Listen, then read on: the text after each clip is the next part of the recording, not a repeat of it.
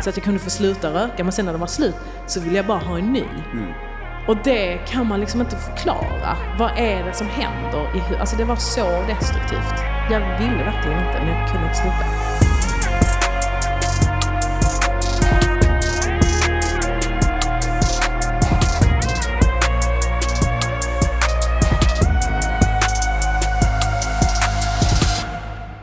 Ja, det är onsdag igen mina kära vänner och varmt välkomna till En beroendepodd. En podcast som jag, Nemo Hedén, gör ihop med The House Rehab och detta är faktiskt Sveriges största podcast om beroende och medberoende. Och i den här podden försöker vi vecka ut och vecka in att sprida kunskap. Vi försöker att sprida hopp, vi försöker att rätta ut alla missförstånd, fördomar och myter som finns om beroende och medberoende. Och det är så kul att så många lyssnar. Vi är så tacksamma och glada över det. Ni får gärna följa oss på Instagram. Där heter vi kort och gott en beroendepodd i ett ord. Och dit kan ni skicka förslag på gäster, teman och all sorts förbättring vi kan göra med den här podden. Idag har jag en gäst framför mig. Hon sitter här och ler. Jag tror hon gör det för att jag gjorde en så perfekt intro. Jag hoppas det. ehm, och det är en kvinna som jag lärde känna i tolvstegsvärlden för några år sedan. Och jag bjöd in henne till den här podden för att jag känner att hon har en stark eh, karisma. Hon har en energi och jag tror att hon kan göra sig väldigt bra i ett poddformat helt enkelt. Jag vet väldigt lite om hennes historia, bör sägas, vilket gör det ännu mer intressant på ett personligt plan, även för mig. För många gånger så har jag hört gästernas story tidigare i olika sammanhang, men det har jag inte här, så jag är så glad över att hon är här. Säger varmt välkommen till Diana Löf. Tack så jättemycket. Hej. Det var perfekt intro. Otroligt, Ja, det här har du gjort förut. Ja, det tror jag. Ja, jäklar vad bra. Ja, vad gullig du är. Ja, men det, det är skönt när det sitter på en take. Ja, det gjorde det. Mm. Hur mår du?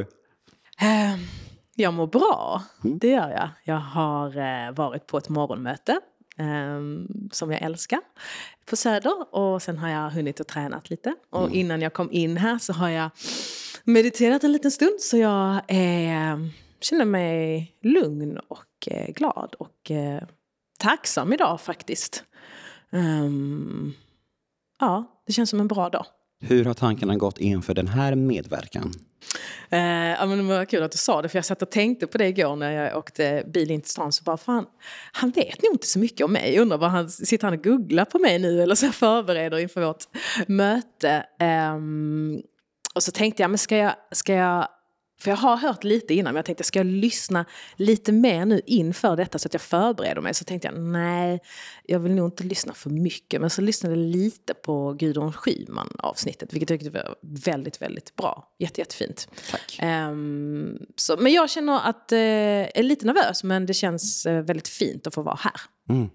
Har du varit öppen med din story offentligt eller med, med vänner och så? Eller hur har du förhållit dig till, till din historia utåt sett? Eh, men jag är relativt öppen faktiskt. Eh, det känns lättast att vara det. Eh, och det är något som jag väljer att vara också för att jag vet att jag, innan jag kom in i programmet så hade jag önskat att det kanske fanns fler som var lite mer öppna i min närvaro. För jag kände så här, men gud varför har ingen berättat om tolvstegsprogrammet för mig förrän jag var, vad var jag, 36 när jag kom in. Um, så att jag är jättegärna öppen med det. Mm. Ja men precis, och det är väl lite därför vi har podden också. För att just det här att eh, ja, men, ju öppnare vi är och ju mer vi syns och hörs och ju, ju, ju fler vi blir, desto lättare blir det för folk att hitta in. Liksom. Det är ju så. Ja. Men när är ditt nykterhetsdatum? 15 augusti eh, 2019 kom jag in. Så i sommar blir det, vad blir det då, fyra år? Mm. Det känns helt, det känns helt galet att jag har varit nykter så himla länge. Jag försökte så många år innan att bli nykter, men det gick liksom inte. Och det är därför också jag känner den här tacksamheten. Alltså det känns lite så här, jag vet inte. Det är kanske fjantigt, men jag känner verkligen en sån djup tacksamhet över att vara nykter och vara liksom närvarande. För jag har varit så jäkla borta och mått så himla dåligt i så många år. Alltså nästan hela mitt vuxna liv har jag liksom inte kunnat hantera mig själv. Ehm, mm. Mm. Och vi kommer till det. Ja, det kommer Ja. till det. Mm. För nu ska vi ta oss tillbaka en bit. Aha. Vart tar vi oss om vi ska försöka ta din story någorlunda från början? Ehm, Ja, gud vad ska man... Nej, men jag är, vi pratade om det lite innan, adopterad. Mm. Jag kom till Sverige när jag var tre år. Så jag är uppväxt i Arlöv utanför Malmö i en liten familj. Eh, mamma, pappa, syster. Eh, och vart kom du från innan? Jag är född i Jugoslavien ah. och sen är jag halvnigerian. Aha, okay. mm, mm.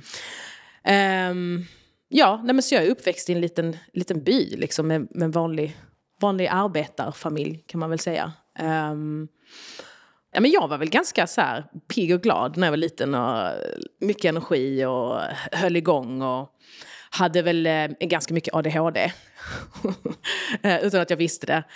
Um, eh, så det var väl en, en sak som var liksom, ett, ett ganska starkt drag hos mig att jag hade mycket energi. Um, vilket var gynnsamt i många uh, aspekter, men i många inte. Mm. Um, och jag märkte väl det när jag blev lite äldre, att jag liksom kanske var lite annorlunda än andra. Um, så det var väl egentligen så, nu hoppar jag ju ganska snabbt in i, i hur jag kom in i drogerna egentligen, uh, i tonåren. Um, och det var ju för att jag kände mig nog annorlunda och att jag liksom kanske, jag fick ofta höra att jag var skön när jag drack för då blev jag lite lugnare. Mm. Um, så det, de orden satte sig faktiskt fast hos mig. Så att jag kände att ja, men det kanske är bra om jag röker och dricker för då är jag inte så stirrig och då slutar tankarna att spinna så himla mycket hela tiden.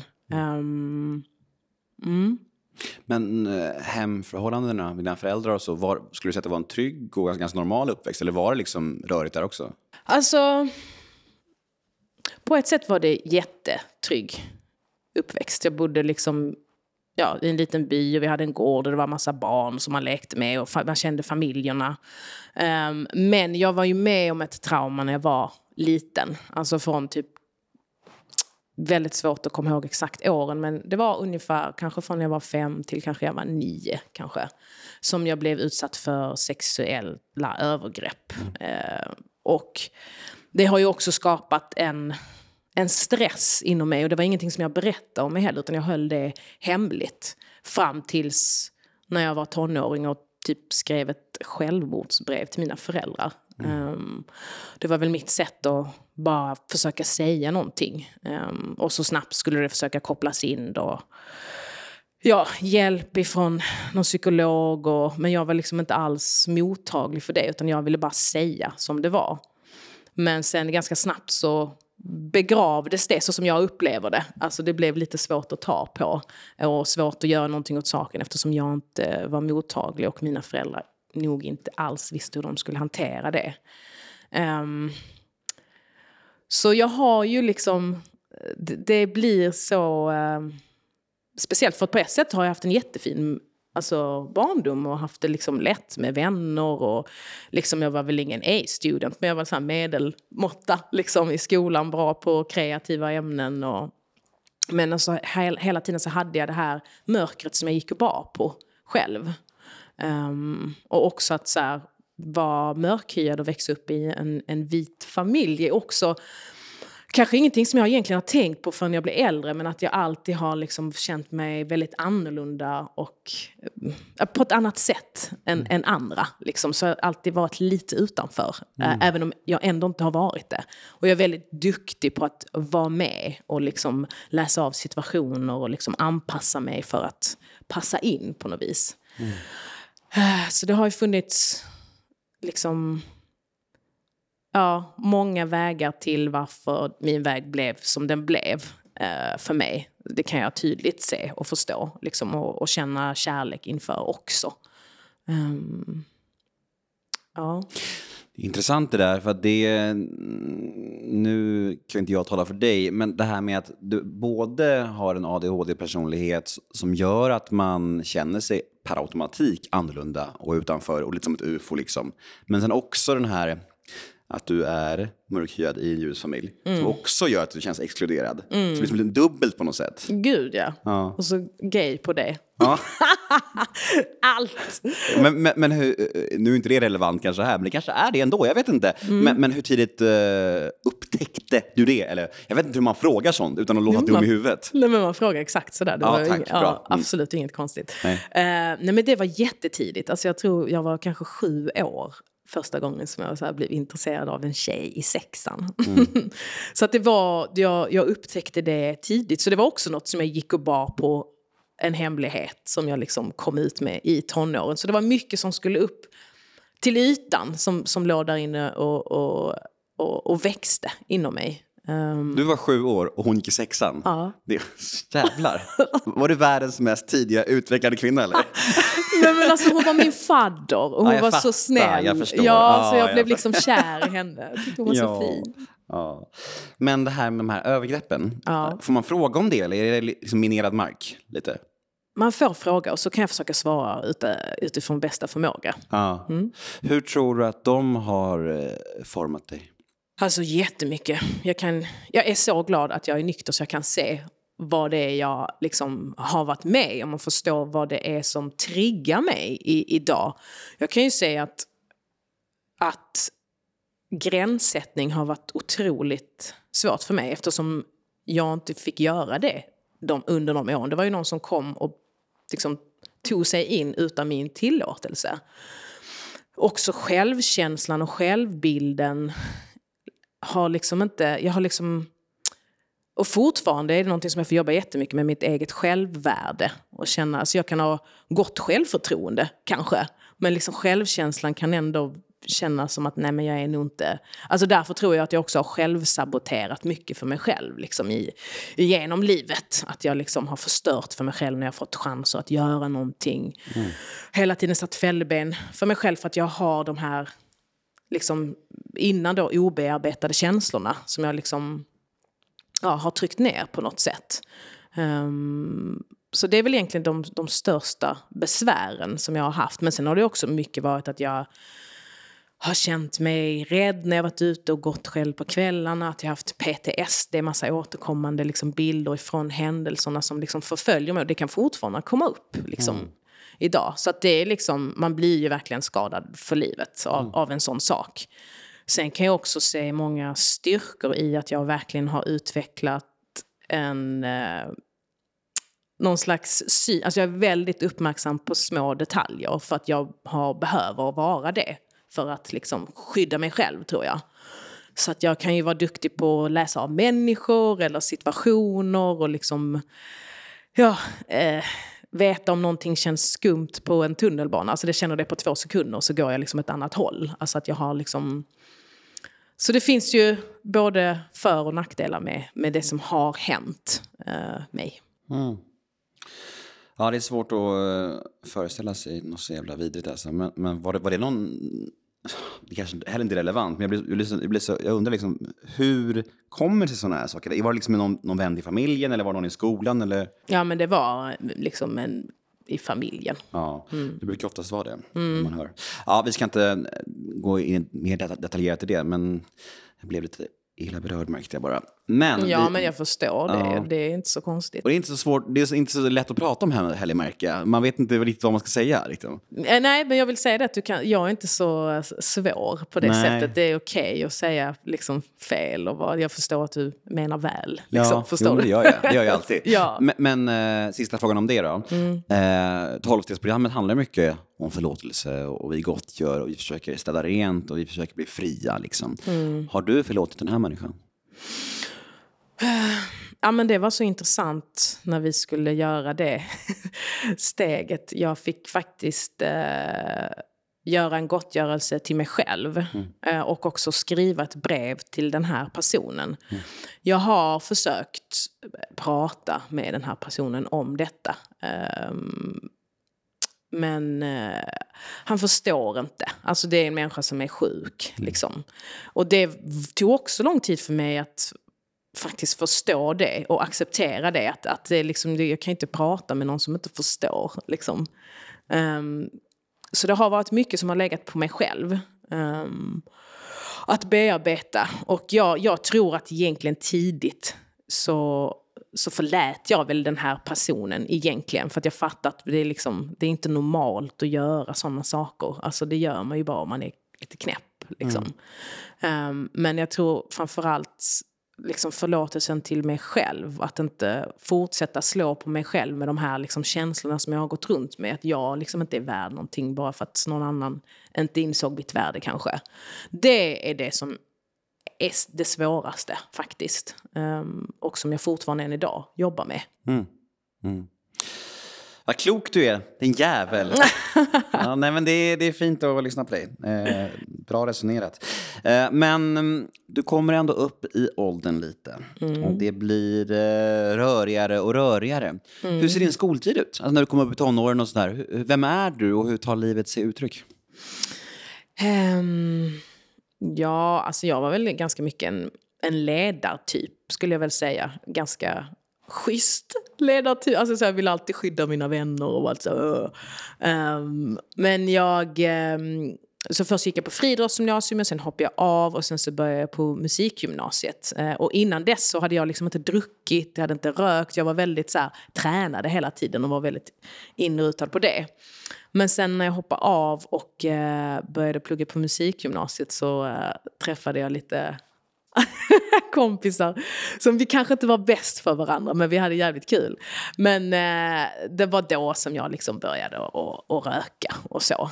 Um, och uh, sen så hoppade jag ju även av musikgymnasiet och sen så var jag med, jag vet inte om du vet om det, men jag var ju med i sånt här Fame Factory, så mm. musik-tv-program med Bert Karlsson. Mm.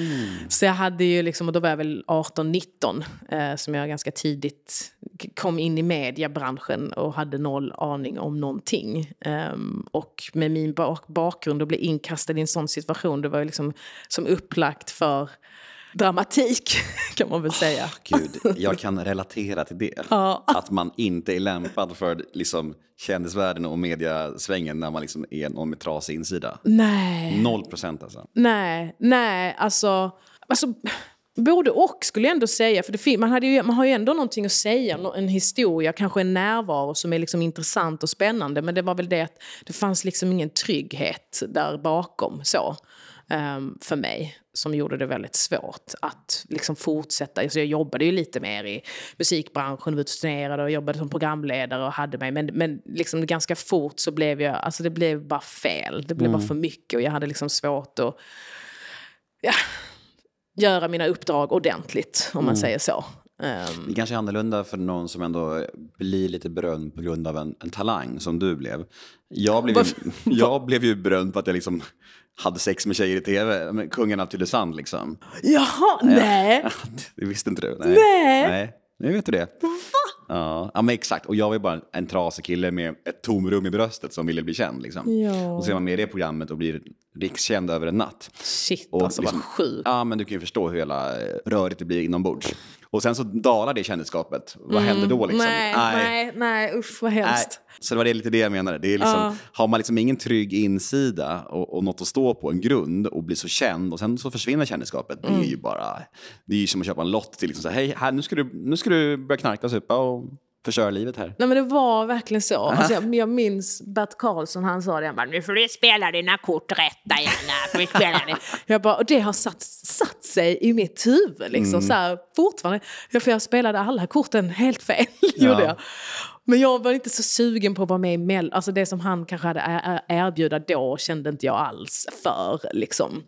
Uh, men och sen så, så var det det här med självsabotaget. Alltså jag hade chanser att göra massa grejer som jag liksom inte gjorde. För att jag rökte bort liksom, mina dagar istället. Mm. Fast jag inte ville så, så gjorde jag det. Och det har varit jävligt jobbigt att liksom acceptera. Just det här att förlåta sig själv mm. för det man liksom för ja, men ekonomiskt och karriärmässigt och liksom med familj. Och, men just karriären kan jag känna, fan vad synd att jag var så, så trasig. Liksom. Mm. Eh, och inte tog hjälp. Mm. Men var du även under programmet inspelning och så? Ja. Eller, eller, hur gick det där? Alltså det gick ganska bra. Mm. Alltså, jag var ju, alltså, men jag rökte ju, gjorde jag. Mm. Och så, så drack folk också väldigt mycket. Så att då började jag dricka ganska mycket där. Tyvärr. Eh, men, eh, men det gick ganska bra. Så jag tog mig till final och var liksom vinnartippad och hej och hå. Och, och liksom hade ganska lovande utsikt. Så. Eh, men jag kunde inte fylla de skorna. Det gick inte. Vilken säsong var det? Två. Ja. Var det den säsongen som... Alla glömde. Nej, men jag tänkte säga som han Karl Martindal vann. Nej, han Nej. var året efter. Jag var året innan. Ah, ja. Mm. Och Jimmy och Sandra var säsong ett, eller hur? Nej, de var så... Nej, gud, jag vet. Jimmy Jansson Ja. och Sandra Dahlberg, var inte den säsong ett? Jag tror de var tre. Tre? Mm. Okej, ah, ja. jag har ingen aning. Vem vann din säsong då? Anders Johansson. Ja, exakt. Nej, men det, men det är det jag vem menar. Det var Ja. liksom den säsongen alla glömde. Den bortglömda säsongen. Där var jag med. Ja, ja. ja, men eh, tiden efter det då? Det, det blev för mycket röka och det blev snett. Ja, men det blev det. Alltså, jag liksom... Ja, men jag jobbade ju som programledare på TV3 med Tilde Fröling. Vi hade någon, någon showig grej. Uh, gud, vad hette nu det? Nej, men gud, jag kommer inte på. Um, ja, strunt samma. Men, men då var det riktigt illa. Uh, för att då hade vi också... Min bästa kompis blev sjuk i cancer och min farmor gick bort och pappa... Alltså det, var, det var bara för mycket. Och jag bodde själv i Stockholm. Jag hade alltid mycket kompisar som kom och besökte. Eh, men det var liksom, jag var ganska ensam. Eh, och sen så, egentligen var väl rökat det som jag höll på med mest. Men jag testade även andra grejer. så. Eh, men det var runt 2007 där som jag fick min liksom första riktiga utbrändhet och psykos. Eh, som liksom, det var väl egentligen första gången som jag verkligen förstod att så här, shit, det här är liksom inte bra. Alltså, där jag hamnade var så jäkla obehagligt. Jag liksom gick ut ur min kropp. Jag var liksom inte mig själv längre. Och hamnade på psyket. Och jag vet faktiskt inte hur många månader jag var där inne. För att jag kan inte komma ihåg det. Mm. Det var alltså en ja, men, röka utlöst psykos. Ja, Shit alltså. mm. ja men du vet, tvn pratar med mig. Och sen plus att man då är med på, på tv. Så att när jag gick ut så kunde jag ju se min bild på så här bussen. Jag och Tilde stod så här på buss. Jag bara fick så här, jag bara, nej gud, vänta, det någonting. Alltså jag tyckte allting Åh, var så, ja, det var så jävla obehagligt. Ehm, ja, då mådde jag skit. Ehm, Men du vet inte hur länge du var där på psyket? Nej, alltså jag vet faktiskt inte. Alltså, det är en, två, tre månader, fyra kanske. Jag har ingen aning. Jag fick inte komma ut heller. Nej. Men det De var... bara, du, de, de bara, du är fortfarande på bussarna här, Ja, du kan inte gå ut. Nej men det var alltså, det var hemskt faktiskt. Men, men, men, ehm, ja. Men det var ändå viktigt att det, att det hände. Alltså jag förstod ju ändå att så här, men gud, det blir verkligen annorlunda för mig än det blir för mina vänner runt omkring som ändå röker. Liksom, jag, jag tålde inte det. Det blev bara liksom psykoser och liksom paranoid och grät och ångest. Och, alltså, ja, nej fy. Men ändå skulle det till tio år till innan du blev nykter. Ja, typ. ja. Ja. Men det är det som är så sjukt. Och det är därför jag tycker det är så bra med den här podden. Att prata lite om det. Liksom. Att, att, alltså, jag ville verkligen inte röka. Alltså, det var bara självsabotage. Varje gång jag köpte en liten påse med gräs så rökte jag upp den så snabbt för att jag ville bara att den skulle ta slut. Så att jag kunde få sluta röka. Men sen när den var slut så ville jag bara ha en ny. Och det kan man liksom inte förklara. Vad är det som händer? I, alltså det var så destruktivt. Jag ville verkligen inte, men jag kunde inte sluta. Nej. Nej, det finns ju vissa sådana där grejer i, i beroende som är helt omöjliga att förklara för en icke-beroende. Ja, Det går ja, inte. Nej. Nej.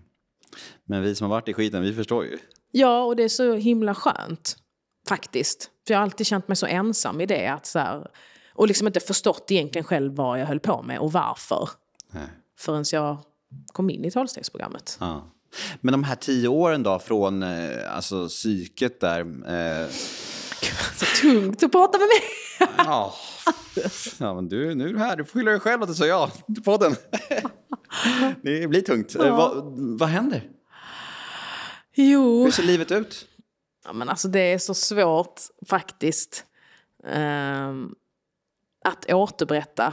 För för mig är det liksom som en dimma, alltså de åren. Jag försöker ta hjälp och, och liksom göra en ADHD-utredning och har då ADHD. Um, försöker liksom få hjälp inom vården och gå någon så här psykodynamisk, liksom. men, men det funkar så där. Flyttar ner till Skåne, bor hemma hos mamma och pappa när jag är så här 30, liksom, går på antidepp och bara blir tjock typ. alltså, det, var, det var verkligen jobbigt. Men men någonstans på vägen så... Uh, jag tror där när jag fyllde 30 någon gång så kände jag också att jag kanske ska satsa på, på det jag tycker om ändå. Så att jag sökte in till Musikmakarna och gick en utbildning eh, som musikproducent och låtskrivare. Eh, vilket var jävligt kul. Um, och så flyttade jag tillbaks upp till Stockholm igen. Uh, och när jag kom till Stockholm igen uh, gud nu hoppar jag massa steg, men skitsamma. Eh, så, så kom jag faktiskt till ADHD-mottagningen på Sankt Eriksplan. Och det, det, var faktiskt första gången som jag kände att jag träffade en person som jag kunde prata med och som fanns där på ett sätt som hon egentligen kanske inte hade behövt eller kanske fick egentligen. Eh, alltså hon ringde ju mig liksom, för att hon, hon fatt, alltså jag liksom behövde verkligen hjälp. Och jag fick inte det förut, den, den sortens hjälp som jag, jag behövde liksom mer än bara säga ah, vi ses om två veckor då. En, en 45 minuter och prata, alltså det hjälpte liksom inte. Och att vara så inlåst på ett psyke hjälpte inte heller för det blir bara värre på något sätt. Alltså det hjälper ju bara när det är som mest liksom. Men annars, då kände jag mig bara liksom ännu mer sjuk. Alltså jag blev inte frisk av det. Men när jag träffade henne så, eh, så fick jag faktiskt bra hjälp och fick även gå någon så ADHD program typ och med andra i grupp och sitta och prata. Och, och det var första gången som jag faktiskt liksom avslutade någonting som jag hade påbörjat när det kom till liksom självhjälp. Um, Vilket år var det? Mm, det vet inte jag. Nej, alltså, jag det är klart du inte vet. Nej, jag har ingen aning. Men det är det som är hemskt med att röka. Jag, jag kommer faktiskt inte ihåg. Men röker du parallellt med det här eller är du tvungen att vara helt clean när du gör den här eh, kursen? Nej, men då röker jag inte, men jag dricker Mm. ganska mycket istället. Mm. Det var så det var. Jag, när jag inte rök så drack jag. Mm. Och så tvärtom. Förutom igenkänningen och, och att du hittat sammanhang på den här, eh, säger man kurs eller vad säger man om det där som du var på? Nej, men man säger Behandling, Nej, men behandling var det ju. Så Ja. det var ingen, ja, det var det ju. Liksom, absolut. Mm. Vad, vad lärde du dig mer där? Minns du det? Bra, brasklapp. Nej, men jag lärde mig om validering. Alltså att validera mig själv och liksom lära känna mig själv lite mer på något sätt. Eh, och att faktiskt sitta med andra människor som också hade problem. Alltså att bara ta mig ut och känna att jag liksom... Jag, jag kommer faktiskt inte ihåg jättemycket från den kursen. Men, Nej. men det var någonting som hände i alla fall eh, där. Och jag kände att jag... Jag kände mig sedd, tror jag. Och jag behövde det faktiskt. Eh, jag älskar min familj, de är helt fantastiska. Men jag upplever att vi kanske har haft svårt att prata. Jag kanske har haft svårt att prata om det här och vi har haft svårt att mötas. Liksom. Så jag har alltid känt mig väldigt ensam i liksom, det som har hänt mig. Ehm, och det, det var väldigt viktigt där på ADHD-mottagningen att, att få vara en del i en grupp och, och prata bara liksom, om livet. Du nämnde din familj nu och jag tänker att det här blir ett litet sidospår. Men jag vill ändå ställa en fråga så att jag inte glömmer det. Jag själv har brottats mycket med att skuldbelägga mina föräldrar för min uppväxt och, och mycket sånt. Och det gör jag inte, det gör jag inte längre, eh, men jag gjorde det länge. Hur har du känt med det med tanke på allt du gick igenom som barn? Har du varit mycket arg på din mamma och pappa för att de inte kunde hantera det bättre eller, eller såg dig och sådär? Alltså, jag har varit ledsen för det. Alltså, och många gånger också när jag känt att jag har försökt prata och så känner jag att jag liksom kanske blir bemött på... Jag liksom landar alltid att det är det bästa som de kan. Det är ju det, men ibland gör det ändå ont för att jag behöver mer helt enkelt. Och det spelar ingen roll hur jag försöker uttrycka det men det går ändå inte riktigt att mötas så, rent verbalt. Liksom. Sen har de alltid funnits där, liksom jag har som sagt bott hos dem och de har liksom hjälpt till på massa andra sätt och visat kärlek. Men just det här liksom validerandet, att det som, har varit, det som har hänt är jättehemskt.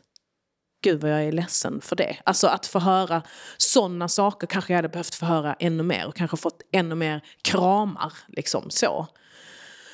Um, men, men ofta har det varit så, oh, men, ja men nu ska vi inte gräva ner oss i... Alltså, mm.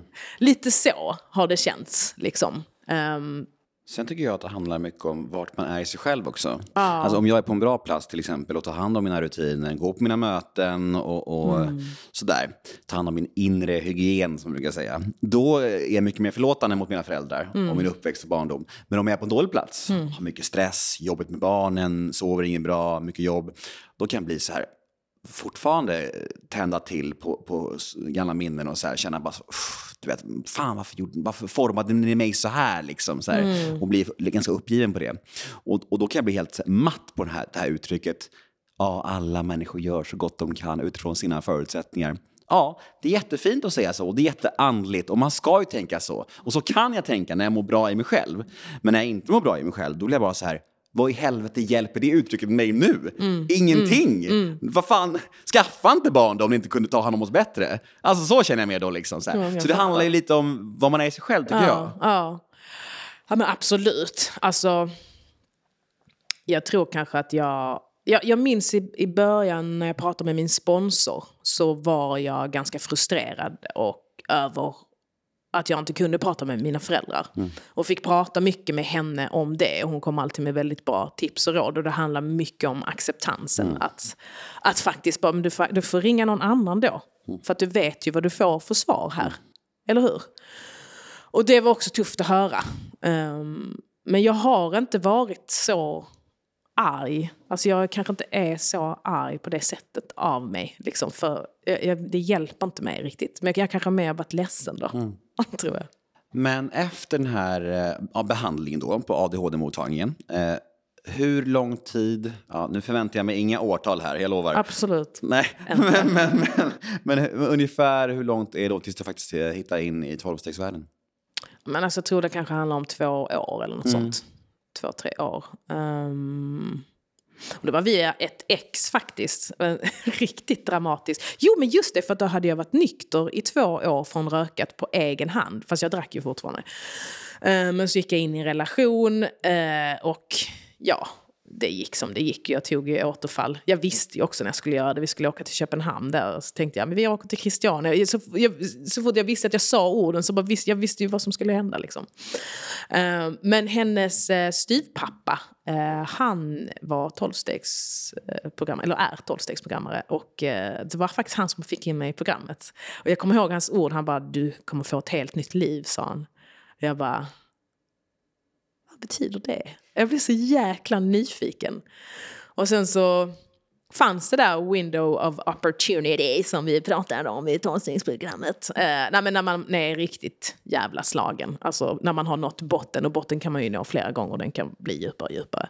Men jag var där eh, och fönstret var verkligen öppet. Och jag, efter han hade sagt det så tror jag att det tog en vecka tills jag tog mig till, till mitt första möte. Um, och, det, och då var jag så här, men vad fan har ingen sagt det här till mig förut för? Det var så jäkla mäktigt att komma in. Och också just att, alltså när man tänker på, eller när jag tänkte på tolvstegsmöte i liksom mitt huvud, så har jag sett på filmer. Och då, då, ser det, då, då, då känns det så här deppigt och det sitter massa äldre män. Ja, men du vet, det är så här sunkigt och så här, men det här var verkligen så här. Och det var viktigt för mig tror jag att känna att jag kunde känna igen mig i folk som jag, ja men folk som dig, folk som, alltså det fanns, alla människor fanns där och det var så skönt. Jag kände så här, gud vad, och alla de här tillfällen, alltså det var, gud vad, alltså jag blev så himla inspirerad och glad och kände mig så, så trygg mm. på något vis. Mm. Som jag liksom aldrig hade känt för. Det är intressant det här som du säger, för det känns som att media har varit med och byggt den bilden med filmer och tv-serier så att det liksom är så otroligt deppigt och mörkt på möten. Ja, Alla ja. är ledsna, tycker synd om sig själva, vill, vill därifrån och typ så.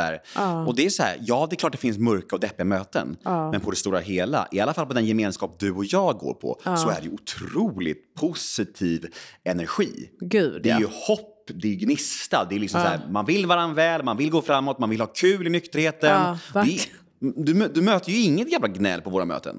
Nej, alltså absolut inte. Alltså tvärtom så tycker jag verkligen att det är att man sitter på lösningen mm. och sprider den på något vis. Och, och, ibland kan det vara att berätta om något jobbigt kanske, men det finns alltid en uppåt-känsla, mm. en, ett framåtsträvande som, som jag tror är viktig, viktigt för mitt tillfrisknande faktiskt. Mm. Mm. Mm, verkligen. Och, och, jag tror så här att, att just, för, just det där med att eh, jag tror att vår, vår gemenskap, utan att nämna den med namn, så, så, så skiljer den sig lite från andra tolvstegsgemenskaper i Stockholm. Att det är väldigt lösningsfokuserat där mm. du och jag mm. går. Mm. Det är väldigt bra go. Liksom. För jag har gått på många andra gemenskaper, då är det inte lika mycket. Det går lite långsammare. Det är lite skillnad. Det är ingen stor skillnad, men det är en, en subtil skillnad där. Så jag tänker att det, det är nog lite skillnad där också. Men fortfarande, mediebilden är stämmer ju inte överens med det vi upplever i alla fall. Nej, absolut inte. Uh, men ja, jag kommer ihåg, jag gick ofta på de här lunch, stora lunchmötena mm. i början och det tyckte jag var skitkul då. Men sen började jag hitta till, så jag hittat min hemmagrupp egentligen. Och det är morgonmötena, de gillar jag för de har både det här positiva men det är ändå lite mer chill. Mm. Där, där du kommer från idag? Ja, precis. Mm. Ja, ja, men det, det, jag gillar verkligen de mötena. De men jag väldigt... tycker att man behöver mixen, tänker jag. Mm. Nu talar jag utifrån mig själv. Men, men, men de stora mötena har ju den här otroliga kraften. Absolut. Ju, alltså när det är 70 pers, det är ju som en, det är ju som en jävla festival och det är så mycket kärlek och elektriskt nästan. Ja. Men de här små mötena är ju mer personliga och intima. Och, och så jag tycker att båda har sin charm. Mm, absolut, ja. absolut. Men, men, men vad händer mer då, förutom att du liksom möts av den här kraftfulla känslan när du kom in i rummen? Vad, vad händer i dig? Liksom? Nej, men alltså första mötet som jag gick på så satt jag liksom längst bak med någon keps på huvudet och liksom storgrät. Och det var också ett sånt här talarmöte, vilket innebär att det är en person som berättar om sin life story. Och just den här tjejen som pratade hade det, det, alltså det var som att hon pratade om mig. Alltså vi hade liksom typ samma historia. Hon har också problem med weedet. Och, så det var verkligen också så här eh, ett perfekt möte för mig att komma in på. Eh, men alltså jag satt liksom och skakade där bak och var jätte, jätterädd liksom, och ledsen och bara, jag var inte alls beredd på att jag skulle känna så mycket. Men sen när jag gick därifrån, eller innan jag skulle gå därifrån, så kom det liksom fram massa människor som bara hej och välkommen hit och liksom vad kul att se dig och höra av dig. Och jag tror till och med jag gick och fika med de första. Alltså folk, folk är så fina. Alltså man verkligen bär varandra och hjälper varandra. Jag önskar att samhället såg mer ut så. Alltså för att man tar verkligen hand om varandra. Jag hade liksom inte så mycket pengar och var fattig och deppig och ledsen. Och någon som bjöd på lunch. Och, alltså du vet, det var verkligen så här, shit vad fina människor. Mm. så att det var, alltså jag blev väldigt frisk. Alltså väldigt snabbt. Alltså det, jag kommer ihåg att folk bara, men gud, det är samma person. Alltså för att jag, det tog kanske bara typ några veckor, sen var, kände jag mig liksom helt ny mm. i själen.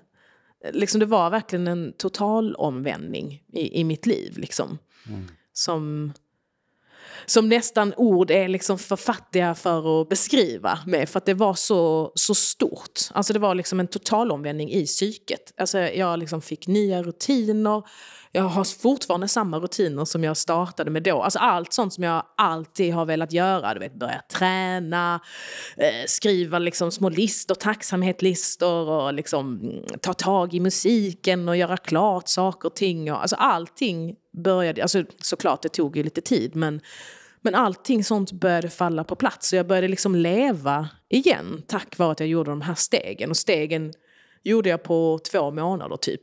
Um, men jag tog ledigt, eller ledigt, jag sjukskrev mig. Eh, så jag gick verkligen in för programmet liksom i tre månader helt och bara gick på möten varje dag. Och jag kände att jag behövde, jag behövde verkligen göra det. Jag förstod inte det i början, men min sponsor sa att hon bara, du kanske ska fokusera på bara programmet nu ett tag framöver. Och så tänkte jag, men jag lyssnar faktiskt på henne. så gjorde jag det. Och jag är jätteglad för att jag gjorde det, för jag kunde liksom gå in 100 procent. Mm. Och jag tror det är tack vare därför som jag faktiskt fortfarande är nykter idag. Mm.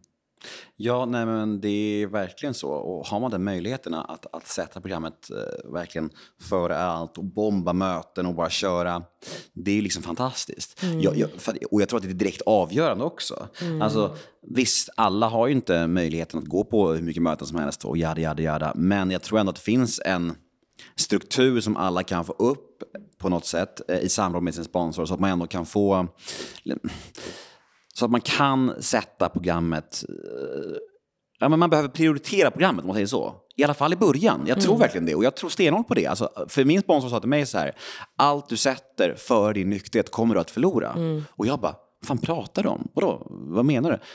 Jag, tänk om jag får barn och jobb, det måste komma före min nykterhet. Han bara, nej men vad händer med, med, med dina framtida barn eller ditt jobb eller så om du tar återfall? Vad händer då? Då kommer allt rasa. Så du måste sätta det här först. Nu och för alltid. Jag bara, aha, det var så mindblowing på något sätt. Och jag försöker leva efter det idag också. Liksom, det är det viktigaste jag har, min nykterhet. Annars faller ju allt. Ja, men annars så blir, blir man på dåligt humör och karaktärsdefekterna kommer fram på två röda sekunder. Så är det ju bara. Alltså, jag ska också understryka att jag hade ingen möjlighet att ta... Alltså jag fick ju låna pengar alltså av en vän för att kunna göra det här. Alltså, jag hade egentligen inte möjlighet till att göra det, men jag kände att det, antingen gör jag det här eller så kommer jag att förlora mm, liksom, förståndet och tappa bort mig själv. Alltså, liksom, det, det var de två valen jag hade. Precis. Så, liksom. För det är ju en investering för livet, det är ju det. Och, och, och, och visst, jag har all respekt för att folk som tycker att men, behandlingar är dyra eller jag kan inte gå på så mycket möten eller, eller jada, jada, jada. Jag förstår det. Men det man också ska förstå är att det handlar ju trots allt om liv och död in the end. Det är ju så att om, liksom, om, om, om du inte kanske hade tagit ledigt och fokuserat på programmet i tre månader, då hade inte du blivit nykter och ditt liv hade kanske blivit ett jävla helvete istället. Nu gjorde du ju det. Nu är det ett val där du faktiskt tog ledigt från jobbet. Det är ju liksom, det är en ganska stor grej. Att du bara tog bort jobbet ett tag för att fokusera på det här. Och den investeringen eh, liksom, gav ju dig ett fantastiskt liv in the end. Liksom. Ja men det är verkligen så. Och liksom jag, nej, men jag tog det faktiskt på allvar och satte upp så här lappar där hemma och var verkligen djupdök in i programmet. Men det som är intressant är väl också hur, som jag skulle tycka var kul att prata med dig om, alltså hur, hur Kör, kör. hur, när man då blir nykter och så är allting så eh, fladdrar man runt på rosa moln och allting är skitbra. Men sen kom ju liksom de andra korsberoende. Alltså jag bytte ju ut ett beroende mot ett annat. Och det var, alltså jag blev ju träningsnarkoman och sen började jag hålla på med maten. Du vet, jag kunde inte äta ditten och datten. Och jag kan ju fortfarande liksom jobba med att vara arbetsnarkoman. Liksom att verkligen försöka sakta. Alltså jag är ju, det är därför jag också säger att jag är en beroende, för att jag är en beroende. Det spelar liksom ingen roll om jag köper en godispåse, då vill jag köpa en godispåse varenda dag. Och äta den tills mina tänder gav. Alltså, jag kan inte stoppa mig själv. Och det, fast nu kan jag det. Och det är det som är så skönt, det är det jag ser. Att jag kan, att jag, nu jobbar jag med det här hela tiden. Och verkligen försöker liksom checka mig själv så att jag inte ska hamna i såna kör. Eh, men jag tycker bara att det är intressant för att jag har hört att många andra också gjorde, gjorde du också så när du kom in att du bara bytte? Eller vad blev din grej? Jag skriver om det här i båda mina böcker tror jag. Men det är, mina första sex månader i nykterheten så äter jag liksom ett paket glassbåtar om dagen. Alltså åtta glassbåtar om dagen. Jag går, jag går upp så här 15 kilo, jo. Som min snuttefilt liksom. Whatever takes you through the day, eller vad säger man? Ja men faktiskt. Ja. Och, det, och, jag tror, och det kan jag också se på mig själv. För jag kan, ibland liksom, hör man ju andra som det och de får så här ångest för det. Och man är Mm. inne så här, men jag känner ändå kärlek inför det. För att det är, liksom, det är klart man byter ut det mot något annat. Ja. Mm. Alltså så blir det ju. För att det tog ju upp hela min liksom, vardag. Alltså, Sen tänker jag att man ska vara snäll mot sig själv också. Att jag har länge haft den här visionen om att okej, ha balans i allting. Balans i socker, balans i träningen, balans i bekräftelsebehovet. Liksom så här. Men jag tror, och nu kan jag bara ta det utifrån mig själv, att är man en beroendemänniska så kanske man istället ska inse att det, det är lite svårt för oss med balansen. Man, man, man får kanske vara glad över att man har hållit sig nykter och drogfri så länge och det är fantastiskt. Och, och, och att man håller sig från de mest destruktiva kickarna eller vad vi ska kalla det. Liksom. Jag kan ju absolut idag alltså, hamna i, i skov där jag svullar för mycket godis eller, eller ja, men bekräftelse eller vad det nu kan vara. Eller träning på, på en nivå som inte är så sund kanske, eller normal. Men samtidigt är det bättre, anser jag, än att hamna liksom i alkohol och droger och sex igen. Där, liksom, där, det, där det är tokmörkt. Så jag tänker så, för att jag har liksom länge så här haft en vision om att okej, jag vill ha balans i allting. Jag vill bli så sund och så här. Men jag grejar nog inte riktigt det och då får man istället vara glad för att man faktiskt tog bort det mest destruktiva.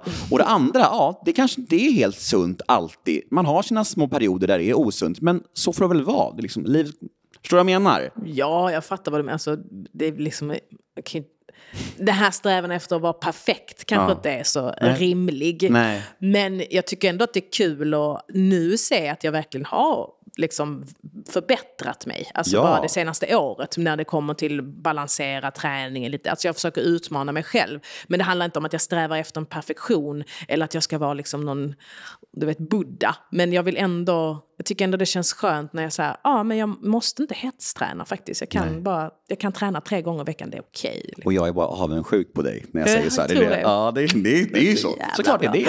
Alltså, jag vill också kunna kontrollera där och ha en bra nivå. Nej, men det är, det är intressant att diskutera, för det ser ju olika ut för oss alla. Liksom. Det är Det så. gör det. det, Ja. gör det. Du är lite bättre tolvstegare än vad jag är kanske? Nej. Jag skojar bara. Jag skojar bara.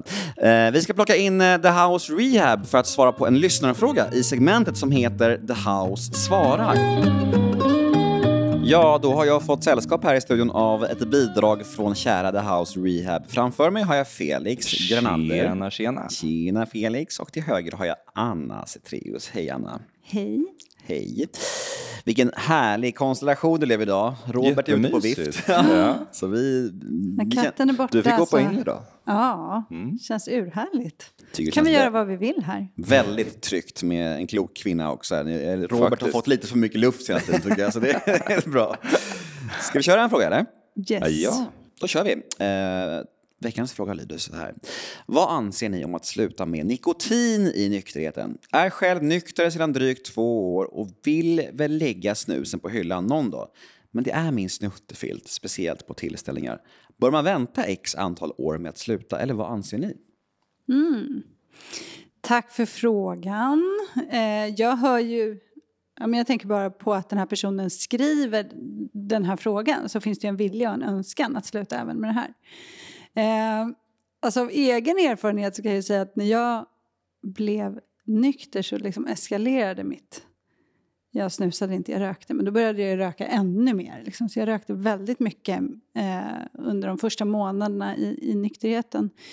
Eh, tills det var någon som så, tills jag också började fundera sådär. Fan, jag borde lägga ner det, det känns inte fräscht, känns inte bra och sådär. Eh, och började prata om det och då var det någon som sa till mig nej, nej, sluta inte, du kommer inte fixa det, det här blir för mycket. Vilket sporrade mig. Jag bara, nu ska jag visa dem. så äh, la jag ner det, det var ju otroligt skönt. Men eh, Alltså en sak i taget, absolut. Men den här personen sa att... eh, Har du varit nykter i två år? Alltså man brukar ju säga att man inte ska lägga av med speciellt mycket saker i början av nykterheten. Alltså socker, kaffe, nikotin. Det är extremt många som kommer in och tänker att nu jävlar, nu är det clean life. Och det är ju inte att rekommendera just för att det är extremt svårt att skilja på vilket sug som är vad, eller hur? Och det kan hjälpa oss att ta oss vidare i vår nykterhet genom att ha de här snuttefilterna i början. Bör man vänta x antal år med att sluta, eller vad anser ni? Man bör absolut vänta x antal år.